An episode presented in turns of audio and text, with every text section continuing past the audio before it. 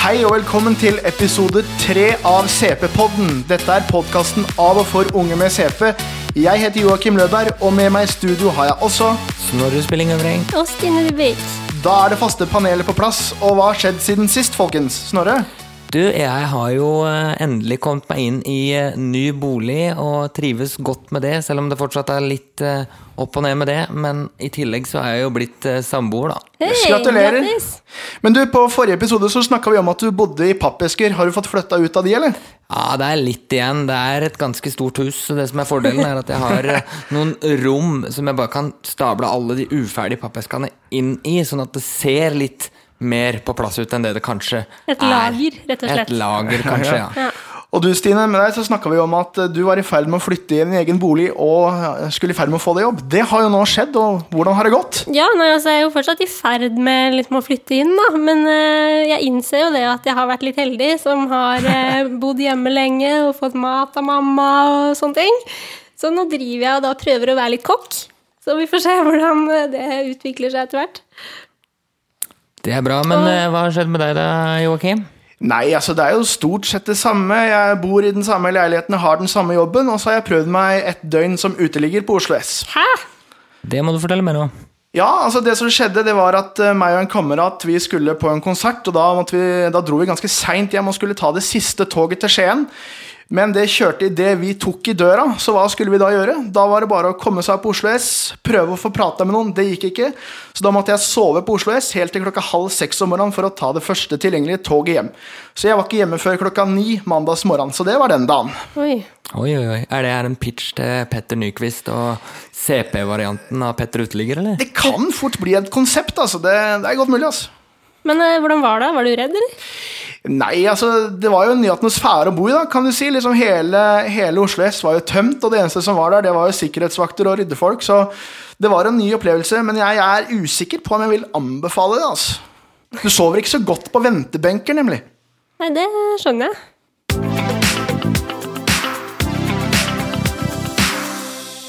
Yes, men eh, litt over til dagens eh, hovedtema for sendinga. Det er jo selvtillit og selvfølelse. Og eh, i forbindelse med det så lagde eh, vi en eh, sak om det her på CP-foreningens storsamling som skjedde i september. Da hadde vi et eh, kurs hvor vi hadde veldig mange flotte deltakere som var med på å lage podkast. Altså, vi lagde innhold til podkast. Så jeg tenker at vi eh, hører litt på hva de har å si om nettopp temaet selvfølelse og selvtillit. Hva er det som gir deg god selvtillit? Det som gjør meg veldig god selvtillit, det er, det er liksom det når jeg, at jeg sitter og hører på veldig sånn god musikk. Å stå på scenen og, og vise oss fram og litt sånne ting. Jeg føler liksom at em, når vi står på scenen og får stor applaus, gjør meg litt eh, som stor stjerne. Um, jeg tenkte bra, er jo at eh, vi får eh, tatt eh, veldig mange teaterforestillinger. Og vi får lære masse. Og det som gjør meg dårlig, er at eh, når eh, jeg eksempel ikke husker hva jeg skal si, så blir det litt sånn dramatisk, da. Hva er selvtillit for deg? Eh, selvtillit for meg er eh, når jeg greier å mestre noe. eh, når jeg greier å se meg selv i speilet og si at jeg vil ha nok som den jeg er. Hva kan påvirke selvtilliten din? Eh, på, det som kan påvirke selvtilliten min, er når andre prøver å heve seg over eh, over meg eller andre. Hva er selvtillit for deg? Um, selvtillit er noe jeg får hvis jeg mestrer noe. Um, det er noe som eh, jeg får på en måte hvis jeg får til noe jeg har øvd på lenge, som jeg ikke har fått til ellers. Um, en ting jeg har lært veldig godt, er å late som jeg er bare meg selv i rommet. Og bare lokke vekk alle andre. Kjempebra. Kjempebra, faktisk. Hva er selvtillit for deg, da?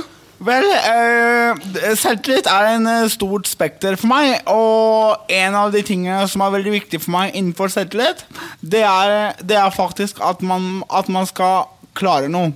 Og, ikke, og, og hvordan skal man klare, klare noe? Ja, det er nettopp, det er nettopp ved, å, ved å tørre å, å feile. Du har jo en CP-diagnose, så hvordan påvirker det din eh, selvtillit? Selvfølgelig er den med på å kanskje skape litt krøll.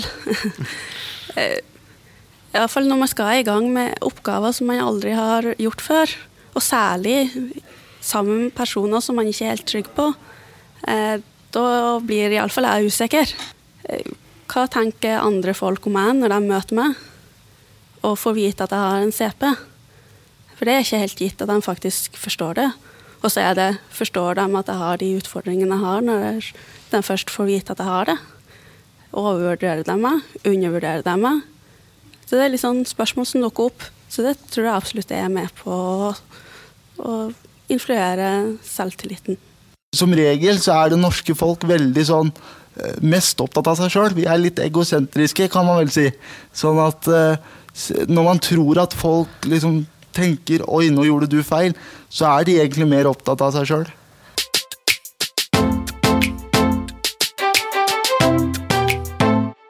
Ja, eh, gutter. God selvtillit. Det er- kan alltid være litt sånn eh, tricky, da. Eh, men jeg, jeg får god selvtillit når jeg får gode tilbakemeldinger på jobb. Eller hvis jeg får gode tilbakemeldinger på ting jeg har skrevet. Ja, men jeg tror jeg kjenner meg veldig igjen i det at jeg å få god eh, selvtillit hvis jeg får gode tilbakemeldinger på ting jeg har gjort. I det siste så har jo mitt liv dreid seg mye om å kommunisere med byggemestere og sånn i forhold til eh, mitt flytteprosjekt. Ja. Og da, da har det jo vært mye god selvtillit i det å nå se at alle de samtalene, alle de diskusjonene har ført fram til et sluttresultat som da er den flotte, fine leiligheten som jeg og samboeren bor i nå, da. Ja, og for min del så er det jo sånn at uh, i den jobben jeg har, så ringer jo kundene våre stadig innom problemer. Uh, og hvis jeg i hjelp av en samtale eller en mail har uh, hjulpet kunden med å få løst det problemet, og hjelper de med en mer effektiv hverdag, så gir det meg kjempegod selvtillit. Det tror jeg er bra. Eh, Før vi går videre, så tenkte jeg bare at jeg skulle si at jeg har tatt med en liten ting, da, Wow. til dere. En spiselig ting. Fordi at vi har jo snakket om det, at eh, dere ble jo venner over en smågodtpose. Ja, det er riktig, det. Ja. Så jeg tenkte da at siden det nærmer seg jul og sånn, så har jeg tatt med litt eh, smågodt som vi kan gomle på i dag. Ah, så herlig. Det er fantastisk. Så mens vi da hører på liksom neste innslag, så kan jo dere bare kose dere litt med det. Eh, fordi det som skjer nå, da, eh, er at jeg har snakket med Christian Moe Karlsen, som er psykologistudent eh, og selv har CP. Eh, og han kan eh, litt mer om det faglige rundt dette her med selvtillit og selvfølelse. Nå har vi jo snakket mye om selvtillit, men hva er egentlig selvfølelse? Eh, det kan Christian hjelpe oss litt med her. Selvtillit og selvfølelse er noe som blir betrakta på som noe av det samme, men det er to helt forskjellige ting. Eh, Selvtillit det går på det du føler at du mestrer, eh, hvor god du føler at du er i noe, hvor flink du føler at du er til å oppnå ting og liksom eh, beherske ting. Selvfølelse det har ingenting med å mestre ting. Det har med hvordan du føler om deg sjøl. at du føler at du er en verdifull, at du er trygg på deg sjøl. at du føler at du er en person du mer liker å være. Um, så det går på at selvtillit er mer til det meste, men selvfølelse er mer hvordan du føler om akkurat deg sjøl og livet, uavhengig av hva du mestrer eller ikke. Hvis man har eh, CP, eh, så kan det jo være vanskelig eh, å ha Ikke vanskelig å ha et godt selvbilde, da, men det kan tenkes at man kanskje opplever fordommer. eh, at man kanskje får dårligere selvtillit, da. Eh, fordi at man syns det er vanskelig å, å få til eh, en del av de tingene man prøver på. Eh, hva kan man gjøre med det? Jeg, em, jeg har jo sett og jeg har jo opplevd veldig mange stunder hvor min selvtillit har vært veldig lavt nede, fordi jeg føler at jeg får ikke til ting, spesielt fysiske ting. Enten det er idrett eller det daglige gjøremål hjemme på kjøkkenet eller skole eller alt, og hvor alle andre gjør så mye bedre, og jeg sliter mye eller må ha mye hjelp og sånn. Men det som jeg har funnet ut litt, eh, som har hjulpet min selvtillit, er at jeg har Det har gått opp for meg at CP-en og de fysiske tingene er bare en veldig liten del av hva jeg kan. Eller det, det påvirker en liten del av hva jeg kan, for å si det sånn. Um, jeg er veldig god kanskje på historie. Og vet veldig mye om historie, da. Sånn at jeg har fokusert, eller begynt prøvd å fokusere mer på historie, psykologi og matlaging. Ting som jeg forstår, vet og kan gjøre.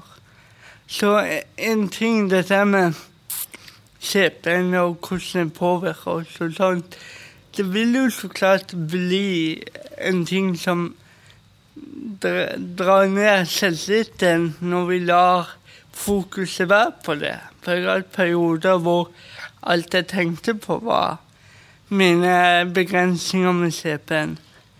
Men det er liksom bare en bitte liten del av alt det vi gjør i en dag. Alt vi tenker, alt vi forstår, lytter og sånt. Det var en lite emne av en mangfold emne jeg har, så på å begynne å snakke meg helt av her, men Jeg skjønner det, det liksom Jeg har forstått at vi er mennesker som alle andre, og alle mennesker har et utrolig mangfold av evner, ferdigheter og teknikker. Mm. Og det fysiske på hva vi gjør, om idrett, løper eller sånn, er bare en veldig liten del av alt du kan. Så det var bare hvis man å forstå at ikke la CP-en ta liksom hele kaka, men bare la få en liten bit enn det hører til. Mm. Og det er jo på selvtillit. Mm. Mm. Det var veldig, veldig fint uh, sagt.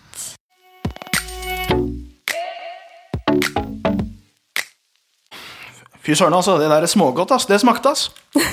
Ja, det var. Det var hyggelig, det, da. Men eh, jeg er litt opptatt av det Kristian sa, med forskjellen forskjellen på selvtillit og selvfølelse. Jeg syns egentlig det var veldig oppklarende. Um, det er en del situasjoner hvor jeg har ganske dårlig selvtillit. Og okay. det gjelder særlig når jeg møter nye mennesker, og jeg får en følelse av at eh, de tror jeg er dum. Enten fordi jeg sitter i rullestol, eller fordi jeg skjeler, eller kanskje begge deler. Fordi ofte så snur folk seg rundt, for eksempel, for å se om jeg ser på noe bak dem når jeg egentlig snakker til dem, eller de bare lar være å svare.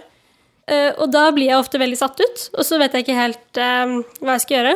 Og jeg skjønner at eh, det er de som føler seg usikre, men i en sånn situasjon så er det veldig vanskelig å skulle være den som skaper trygghet for de andre, da. Ja, jeg kan dessverre ikke si at jeg kjenner meg så veldig igjen i akkurat det, men jeg kan ta et eget eksempel. Jeg husker veldig godt når jeg skulle starte i den jobben jeg har nå, for eh, mange år siden. eh, Så var jeg veldig seint ute med å forklare at den stolen jeg satt i, var vond. Jeg ville på en måte ikke fremme mine egne behov framfor det å vise at jeg var interessert i jobben. Så jeg husker at jeg satt i en veldig vond eh, kontorstol og hadde vondt i ryggen i ja, det var vel tre måneder før jeg turte å si ifra at du, kan jeg få eh, en ny kontorstol, for denne her er faktisk ubehagelig. Men, men hvorfor, eh, hvorfor sa du ikke fra? Var det fordi at du var redd for at de skulle tenke at eh, å, det CP og ikke Joakim? Ja, det var rett og slett det at jeg var redd for å på en måte uh, først være til bry og kan du si fremme mine egne behov først, uh, før jeg på en måte viste at jeg var uh, interessert i jobben. Men Joakim, jeg bare tenkte på Du tenkte ikke den tanken at hvis jeg får den stolen og den tilrettelegginga jeg trenger, så gjør jeg faktisk en bedre jobb det jeg faktisk er der for å gjøre? Jo, altså tanken hadde jo slått meg, men igjen så var det på en måte den redselen med at det første man opplever, er en i rullestol, og så er han til bry. Det er liksom ikke For meg så virka det som det liksom ikke var det beste førsteinntrykket, da. Så jeg lot det vente. Mm, jeg kan jo forstå det også. Men hva med sånn sosiale sammenhenger, da?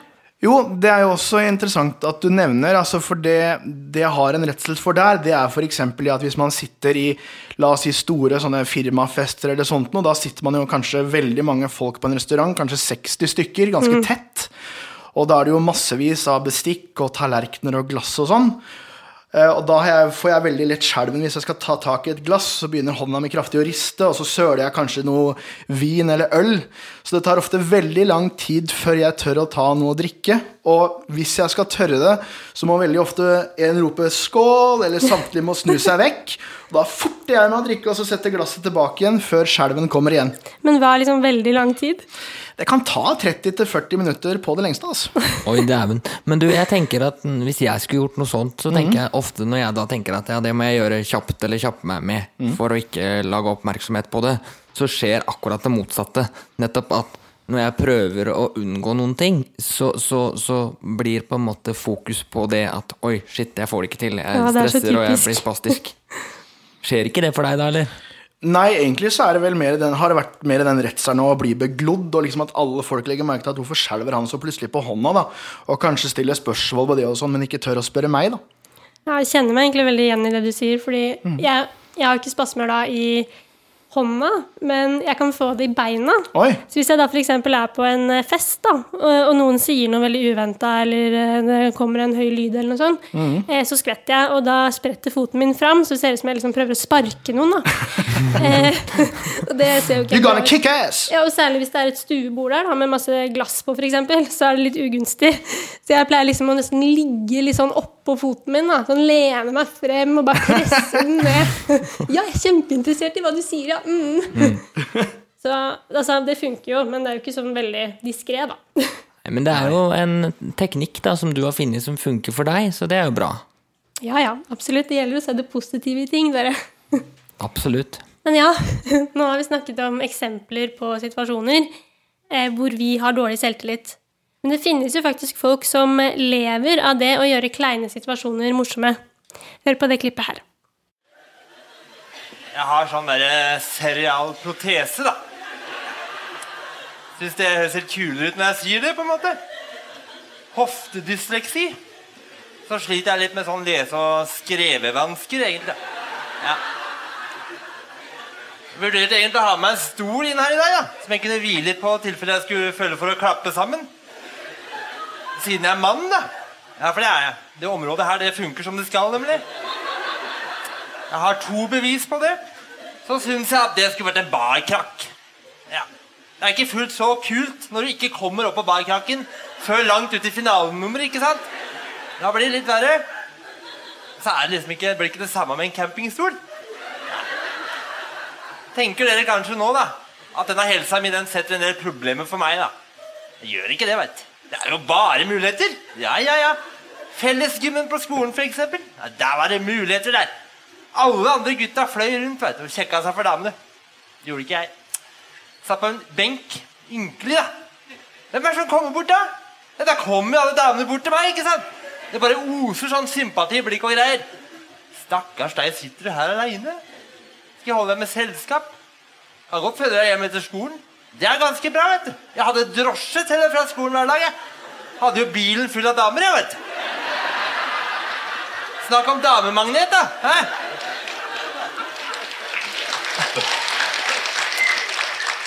Der hørte vi et innslag eh, av komiker Dan Are Lykke Larsen. Vi er så heldige å ha fått besøk av Dan Are i studio, som er komiker og har CRP. Så jeg tenker vi bare hilser på Dan Are. Hei, Dan Are. Hei, Snorre. Hei. Du, Det var veldig koselig at du eh, tok turen innom oss her eh, i C-poden i dag. Eh, Men jeg tenkte bare å gå rett på sak og spørre hva er det som gjør at du holder på med det du holder på med? Det er fordi at jeg, eh, jeg trakk eh, ikke akkurat gulloddet når jeg skulle ut av mamma, holdt jeg på å si. Alle har jo gått ut av den porten. Mens jeg, jeg bomma litt fordi om det ikke er noen rundkjøring, så skjedde det i hvert fall et eller annet på veien som gjorde at det, det ble litt vrient. Så jeg fikk jo da dratt på meg en sånn uh, diagnose som uh, på flott heter spastisk diplegi. På humoristisk måte kan du si det samme som at jeg, jeg driver en form for uh, kappgang. Det ser ut som jeg holder på med kappgang. Hvis du bare putter på sånn slow motion-frekvens. For det, det er hofter og bein overalt og rimelig dårlig balanse. Så dette her er det jeg på en måte prøver å livnære meg av. Rett og slett eh, min egen eh, CP-diagnose, da. Når var det du fant ut at du liksom skulle bruke humor og CP-diagnosen din eh, til å, som et levebrød? Eh, nei, jeg jobba Hadde en periode som jeg var veldig fornøyd med at jeg hadde fått en liten stilling på en SFO der hvor jeg bor. Eh, og det fungerte veldig greit. Uh, Og jeg følte liksom at jeg var en del av Det er viktig å bidra til samfunnet. Liksom. Det får alltid høre den der. Uh, og da følte jeg at nå er jeg på rett plass, for dette er det ikke egentlig fint. Men så skulle man kutte ned i budsjettene og sånn, og da forsvant plutselig min stilling der. Og i og med at jeg da har cerebral parese, så er det jo ikke alle muligheter som er like store som mange andre. Så det blei litt snevert i forhold til hva jeg skulle velge. Og da gjelder det på en måte å være litt tøff i huet og bruke den hjerneskaden virkelig. Slå inn den på fulle mugger. Så jeg hadde en skikkelig Hele hjernen min var ute av drift en liten periode når jeg fant ut at jeg skulle rett og slett prøve å, å leve av, eh, av det her, da. eh, Som var da i 2014. Eh, Fikk med meg kona mi på laget, og så litt usikker var vel hun til å begynne med. Men jeg hadde blitt, blitt ganske håpløs å leve med hvis jeg ikke hadde prøvd. For det viktigste er på en måte å følge det man har trua på. Eh, Hvis man har noen drømmer og sånn, så gjør nå det, da, for guds skyld. Man vet ikke hvor eh, lang tid man har. Så vi ble enige med at jeg, jeg, får prøve det her, eh, og nå er vi vel enige om at det, det var lurt. Ja, det er absolutt lurt. Du har jo forestilling etter forestilling med fulle hus og veldig gode tilbakemeldinger. Men har du en, eh, en et eksempel, en episode fra en av forestillingene som du kan eh, fortelle lytterne våre om? Ja, Det spørs eh, om det er noen aldersgrense på, på lytterne her. Nei, ja, det er, det er mange problemer med meg er vel at det ikke er noe filter. Så, det er ikke mitt problem, men det er et problem for alle, alle de andre. Eh, men jeg har jo for eksempel eh, vokste jeg opp med, med en sånn Fikk en tru på, eller mamma fortalte meg at det var så veldig ålreit for meg å drive og ri på hest. For Vi som hadde CP, hadde veldig godt av å sitte på den hesten. For det var noe sånn i forhold til eh, massasje av kroppen. Jeg vet da fader, jeg. Men, eh, men jeg har jo ikke noe greie på hest. Jeg er ikke noe interessert i hest. Og det har jo ikke noe med mestringsfølelse eller noen ting å gjøre. Eh, Jeg kommer jo ikke oppå, og ikke kommer jeg av. Så, så jeg har jo vært med på det, f.eks. Da kom det en liten blå buss og henta oss. Jeg kalte den bare for diagnosebussen. For der var det liksom mange av forskjellige typer diagnoser som satt inni. Og vi, vi skulle ri på hest alle sammen. Det var bare ei som syntes det var morsomt. Uh, og det som er greia med når jeg vokste opp med CP og sånn, er det at det, det er ikke så nøye om du er god på noe. Det, viktigste er å delta. Du skal ha et sosialt liv og sånn. Eh, så det viktigste med hele den turen, det var den halvtimen på vei hjem for å spise vaffel. For det var liksom ukas høydepunkt. Så jeg spiser ikke mer vaffel. Jeg er helt ferdig med vaffel og på en måte skjønner ikke helt greia med hvorfor i all verden vi ble putta inn der og på en måte skulle ha det så veldig morsomt. Fordi om vi hadde på en måte litt dårlig helse, så kunne vi da gjort en del andre ting enn bare på en måte å, å late som vi var glad i hest, for det var gunstig. Men man gjør som mamma sier, da. Så jeg tar igjen for mamma nå, da, for nå snakker jeg om mye rart som mamma ikke er veldig begeistra for at jeg, jeg snakker om. Så jeg utleverer hele, hele familien øh, på, de scenene, på den scenen der.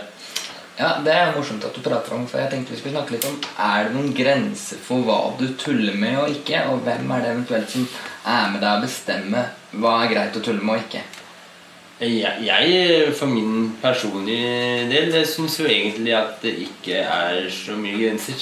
Det er litt mer med måten du gjør det på. eh, Tror jeg. Jeg, jeg tror du kan tulle med omtrent alt hvis du bare gjør det på riktig måte. Eh, Og kanskje det er en fordel at man har eh, ikke bare glidd gjennom livet på, på første klasse sjøl, selv, selvfølgelig, hvis man skal ta opp ting som er litt eh, vrient. Eh, men eh, jeg personlig føler at man kan egentlig Man kan snakke om det meste hvis, eh, hvis du bare tar rett inn, innsynsvinkelen, da, på en måte. Jeg har ikke noe filter, i hvert fall. Nei, det, og det tror jeg er bra. For det ser ut som det er mange mennesker som, som liker det, og du har et stort publikum, og du gjør noe som er eh, litt annerledes enn alle andre, og det er veldig, veldig bra, tror jeg, i den bransjen du driver av. Men jeg tenkte på, hva er det det her gjør med, med liksom selvfølelsen og selvtilliten din?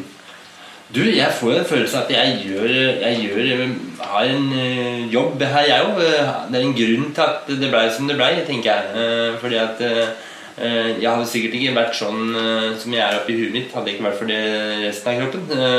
Eh, så jeg har på en måte Jeg har på en måte da rett og slett valgt å, å gjøre det beste ut av min situasjon. eh, fordi at eh, jeg vet ikke hva som skjer om ti år. Vi kan jo, vi kan jo møtes på jul da. Det er ingen som vet. Men allikevel må, gripe, må gripe mulighetene når de er der. Da. Det tenker jeg gjelder for alle mennesker, uansett hva det er de styrer med. At du får noen sjanser, og så tenker jeg ofte at ja, vi tør kanskje ikke å gripe tak i den. Men, men gjør nå det, da. Ta muligheten, ta, ta og hopp i det. Og så det verste som kan skje, er at det på en måte ikke, at det ikke går. Men det har vi prøvd. Eh, Så det har jeg da hoppa i det, og så har vi ikke landa ennå. Nei, og det får vi håpe at du ikke gjør på en del år. Eh, Men, men hva tenker du liksom er videre nå eh, i forhold til hvor vil du gå hen med, med standupen hvis, hvis eh, helsa endrer seg og sånn? Tenker du at du har noen andre måter å fortsette å gjøre humor og komikk ut av det, eller? Ja, altså det er klart eh, Alt som på en måte skjer eventuelt med denne kroppen eh, i humoristiske øyne, er jo gullgruve sånn sett. Så det er klart bare kjeften ikke stopper, så skal du klare å få formidla hva som har skjedd. Eller hvor, en del vinklinger på eventuelt at man har hatt en god helse som jeg har nå, og kanskje får det litt dårligere enn etter hvert. Det er jo ingen som vet, men det, det kan man også lage humor ut av. Og så er det jo en del sånn foredragsopplegg som jeg holder på med nå framover, som også er veldig ålreit, i forhold til at man da kan gå litt sånn Gå litt dypere inn i ting. Det er ikke bare rein komikk, men det er litt inspirasjon og litt eh, sånt noe. Så jeg syns også det er veldig stas å holde på med. Så det er, bare å, det er bare å stå i det, tror jeg. Veldig, veldig bra. Men da tror jeg vi bare sier til de som hører på, at hvis de har lyst til å se noe mer til deg, så kan de finne deg både på Facebook og på eh, lykkelarsen.com, stemmer ikke det? Og følge med på hvor du, hvor du er hen. Eh, og det beste er vel egentlig å oppleve, oppleve deg live et eller annet sted. Det beste er å hyre, vet du, for da støtter du en god sak. Absolutt. Nei, men jeg tror vi lar det være siste ordet, og så sier vi tusen hjertelig takk for at du tok deg tid til å komme i dag. Takk for at jeg fikk komme. Ja, For de av dere som kanskje stussa på lyden her, så skyldes dette at det opptaket som nå ble gjort, ble gjort uten vår tekniker. Så vi beklager det. Men eh, nå er det jo snart jul, og da blir sikkert en del eh, mye jobbing på Danari i forbindelse med julebord. Og med tanke på det, er det noen av dere som skal på julebord, eller? Du, jeg er litt usikker enn deg, altså. Ja, Hva med deg, Stine? Du er jo i ny jobb og greier. Blir det ikke noe julebord på deg da? Ja, jeg skal på julebord eh, med jobben. Eh, Det er sant, det. Men eh, jeg vet ikke helt Altså, jeg gleder meg jo til det, på en måte. Men samtidig så gruer jeg meg litt, fordi at det handler jo om at da kommer jeg opp i en del av de situasjonene som jeg syns er litt utfordrende, når det kommer, kommer til selvtillit, da. Eh, Og jeg er ikke så veldig glad i alkohol heller. Jeg får vondt i bena av å drikke alkohol. Eh, Så det er liksom sånn en god, god miks, da. Jeg kan også kjenne meg litt igjen i den at på en måte festligheten rundt julebordet og å være sammen med mennesker, det kan være eh, greit nok, men, men det på en måte å, å ikke eh, være tilpass når alle får seg den ekstra halvliteren, fordi spesielt kanskje fordi jeg sitter på hjul og på en måte sitter litt lavere enn alle andre, Mm. så blir ikke det noe særlig kult. For det er bare plutselig skal alle kjøre tog med meg eller gjøre et eller annet eh, rart. Så, så at jeg havner liksom eh, eh, Pass på at vi ikke detter utfor trappa der, eller sånn eller sånn. For at eh, folk mister jo helt fatninga når, når alkohol er inne i bildet, og i hvert fall på sånne tilstelninger som det. Så for min del så er alkohol en grei ting å bruke og på en måte ha det kose seg med, men ikke nødvendigvis at han er nødt til å drikke for å vise at han er eh, kjempetøff, eller så mye tåler jeg, liksom. Ja, ikke sant? Eh, Og noe av det jeg har opplevd, altså, det er veldig mange unge folk som eh, jobber i firmaet mitt, og der er det jo veldig populært å ta seg en drink til middagen og øl til etterpåsnakk og sånt noe.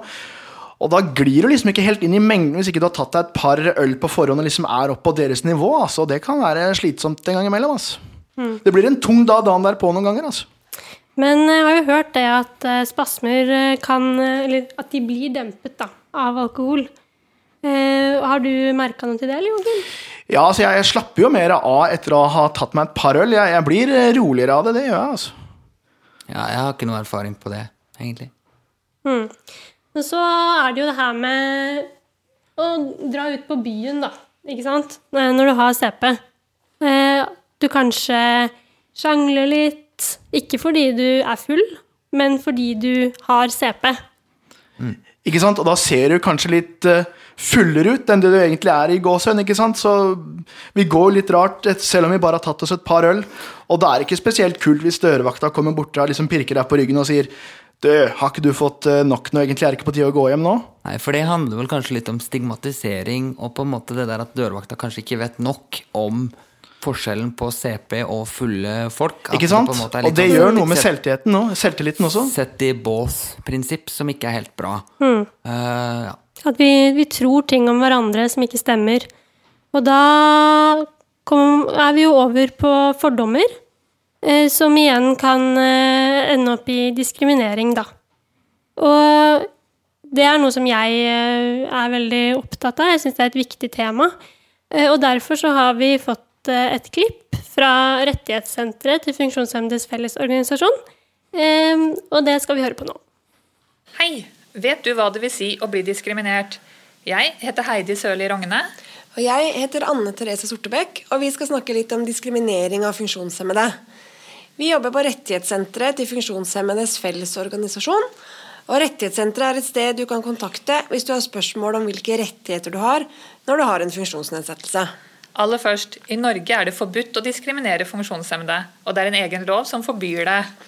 Men hva betyr egentlig diskriminering? Hvordan kan man vite om man er diskriminert? Du er diskriminert hvis noen behandler deg dårligere enn andre fordi du har CP. F.eks. hvis du ikke får komme inn på et utested bare fordi du har CP, og dørvakta tror du er berusa fordi du har dårlig balanse. Men det kan også være diskriminering når man, når man behandler alle på akkurat samme måte.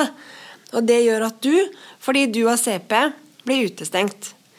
Jeg veit ikke om det var så lett å forstå, men um, hvis det f.eks. For er forbudt for hunder på kjøpesentre, så er det en regel som gjelder for alle. For den som har servicehund eller førerhund, kan en sånn regel være diskriminerende fordi de ikke kan gå på kjøpesenteret uten hunden sin. Nettopp. Men hva hvis det er trapp for å komme inn på kjøpesenteret, da? Er det også diskriminering? Ja, det kan det være. Det er regler om at bygninger der folk flest ferdes skal være universelt utforma, men eh, her er det ganske mange unntak, dessverre. En annen ting som det er viktig å være klar over, det er at i diskrimineringsloven er regler om tilrettelegging også, både på skolen, på arbeidsplasser og i kommunale tjenester. Det betyr f.eks. at du har rett til individuell tilrettelegging av lærerstedet, av undervisning, læremidler og eksamen. Og hvis du ikke får det, så kan det være diskriminering. Ja, og hva gjør man da? Hvis man tror at man kanskje kan være diskriminert? Likestillings- og diskrimineringsombudet, LDO, de kan masse om dette, og de kan gi veiledning til folk. Det går an å lese mer om LDO på ldo.no. Men du kan også kontakte Rettighetssenteret via kontaktskjema som du finner på ffo.no. Ja, og uansett om man kontakter LDO eller oss, så er det gratis, og den man snakker med, har taushetsplikt. Og man trenger ikke å si navnet sitt heller hvis man ikke har lyst til det. Hvis man mener at man er diskriminert og har lyst til å gjøre noe med det, da må man sende en formell klage. Dvs. Si et brev hvor man bl.a. forklarer hva som har skjedd. Fram til nyttår er det LDO man sender en sånn klage til, men fra 1.1.2018 er det Diskrimineringsnemnda i Bergen man sender klagen til, og som kan bestemme om det som har skjedd faktisk er diskriminering eller ikke. Ok, dette blir mye informasjon på en gang. Hvis du er i tvil om du er eh, blitt diskriminert, eller vil vite mer om diskrimineringsreglene, så ikke nøl med å kontakte oss på Rettighetssenteret, eller ta kontakt med LDO. Takk for oss! Konkurranse! Har dere noen news der, eller? Du, det har eh, Kan se ut som det har dabba litt av eh, fra forrige gang. Fordi eh, vi har rett og slett ikke fått noe Noen som har sendt inn forslag til hva uh, lyden kan være for noe. Jeg vet ikke helt om det er vi som har uh, bomma, eller om det er uh, ja, Da litt... tror jeg kanskje vi har bomma. Ja, fy søren, ass. Det kom ikke en lyd fra lytterne, ass. Nei, det er litt lav, lav, på selvtilliten for min del der. Altså. Jeg trodde vi hadde gjort en skikkelig god jobb jeg, med lyder og greier, men uh... Nå tar jeg meg en trøstegodteri. Jeg tror jeg må være med på den. Altså. Jeg må ha noe søtt jeg nå for å komme over den der dårlige stemninga. Altså. Mm. Men vi må gjøre noe. Hva skal vi finne på? Du, jeg tror jeg har en idé. Ok Hvis vi bare kjører uh, lyden fra um, forrige konkurranse en gang til, bare så vi får sagt hva det er for noe. Og så uh, kjører vi en uh, ny vri på konkurransen etterpå. Kan vi ikke bare spise smågodtet, og så kjøre lyden, og så tar vi og forteller litt hva konkurransen går ut på etterpå. Fikk du ideen pga. smågodt, eller? Nja, ja, kanskje.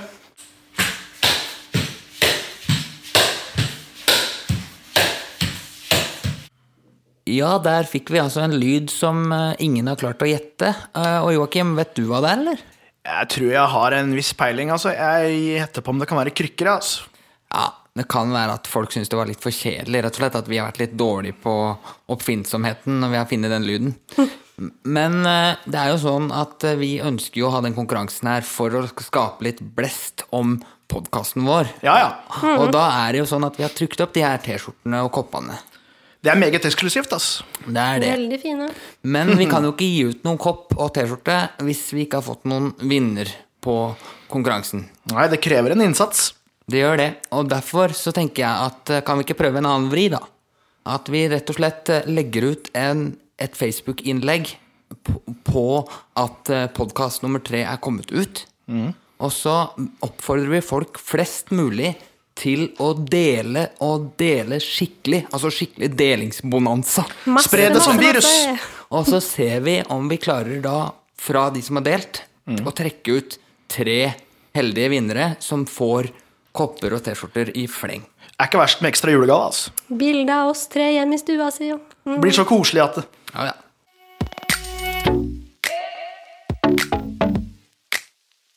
Snorre, Joakim, eh, vi må oppsummere. Ja. Jeg for eh, min del eh, har i hvert fall eh, gjort meg opp en del nye tanker om selvtillit og selvfølelse. ja. Hva tenker du på da? Nei, eh, altså jeg har jo hele tiden visst at det er viktig det der å ha humor rundt egen situasjon og ikke ta seg selv så høytidelig, men, men det å høre også andre snakke om hvor viktig det er å kunne bruke humor og fokusere på de sterke sidene sine, det gjør at eh, da vet jeg at jeg er ikke alene i det. Andre tenker litt på samme måte og, og gjør sånne ting som jeg bare må fortsette å prøve å gjøre selv. Ja, det er fantastisk å se at sånne som eh, Danare kan bruke sin CP og sine skavanker til å gjøre andre folk glade og virkelig skape en fantastisk humor på det. Det er eh, morsomt å se. For meg så har det vært det å se liksom eh, mangfoldet i at selvtillit og selvfølelse er noe som alle sliter med eller har sine greier med. Vi med CP kanskje på vår måte og, og litt eh, ja, sånn, men, men det at alle på en måte har det, og det er en så individuell ting, syns Mm. jeg er en veldig sånn fascinerende eh, bit å, å ha sett på i dag. Absolutt. Det er jo noe alle sliter med, CP eller ei.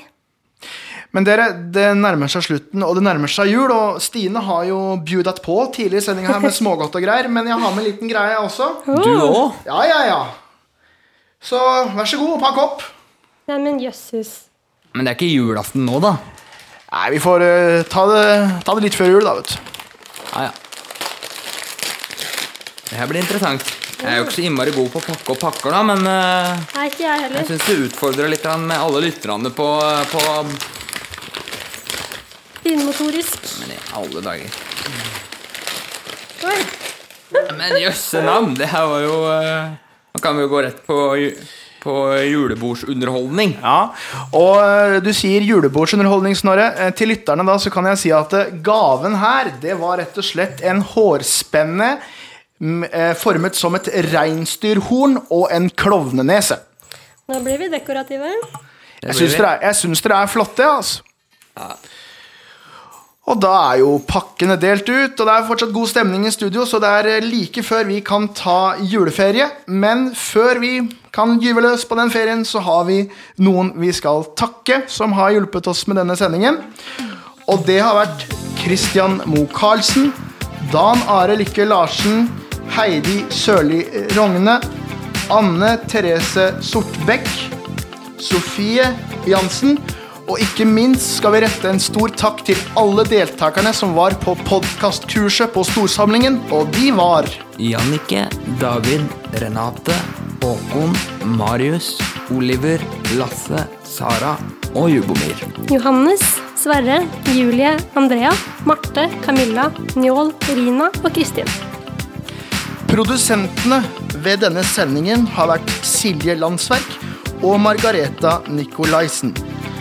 Musikk og lyder til denne sendingen har vært laget av Jesper Borgen og Stian Steinsmann Torbjørnsen. Teknisk ansvarlig for denne sendingen har vært CP-poddens egen tekniker, Henning Bortne. Og programlederne i studio var Joakim Løberg, og med meg hadde jeg Snorre Spilling Øvreng, Og Stine Dybvik. God jul! god jul og godt nyttår.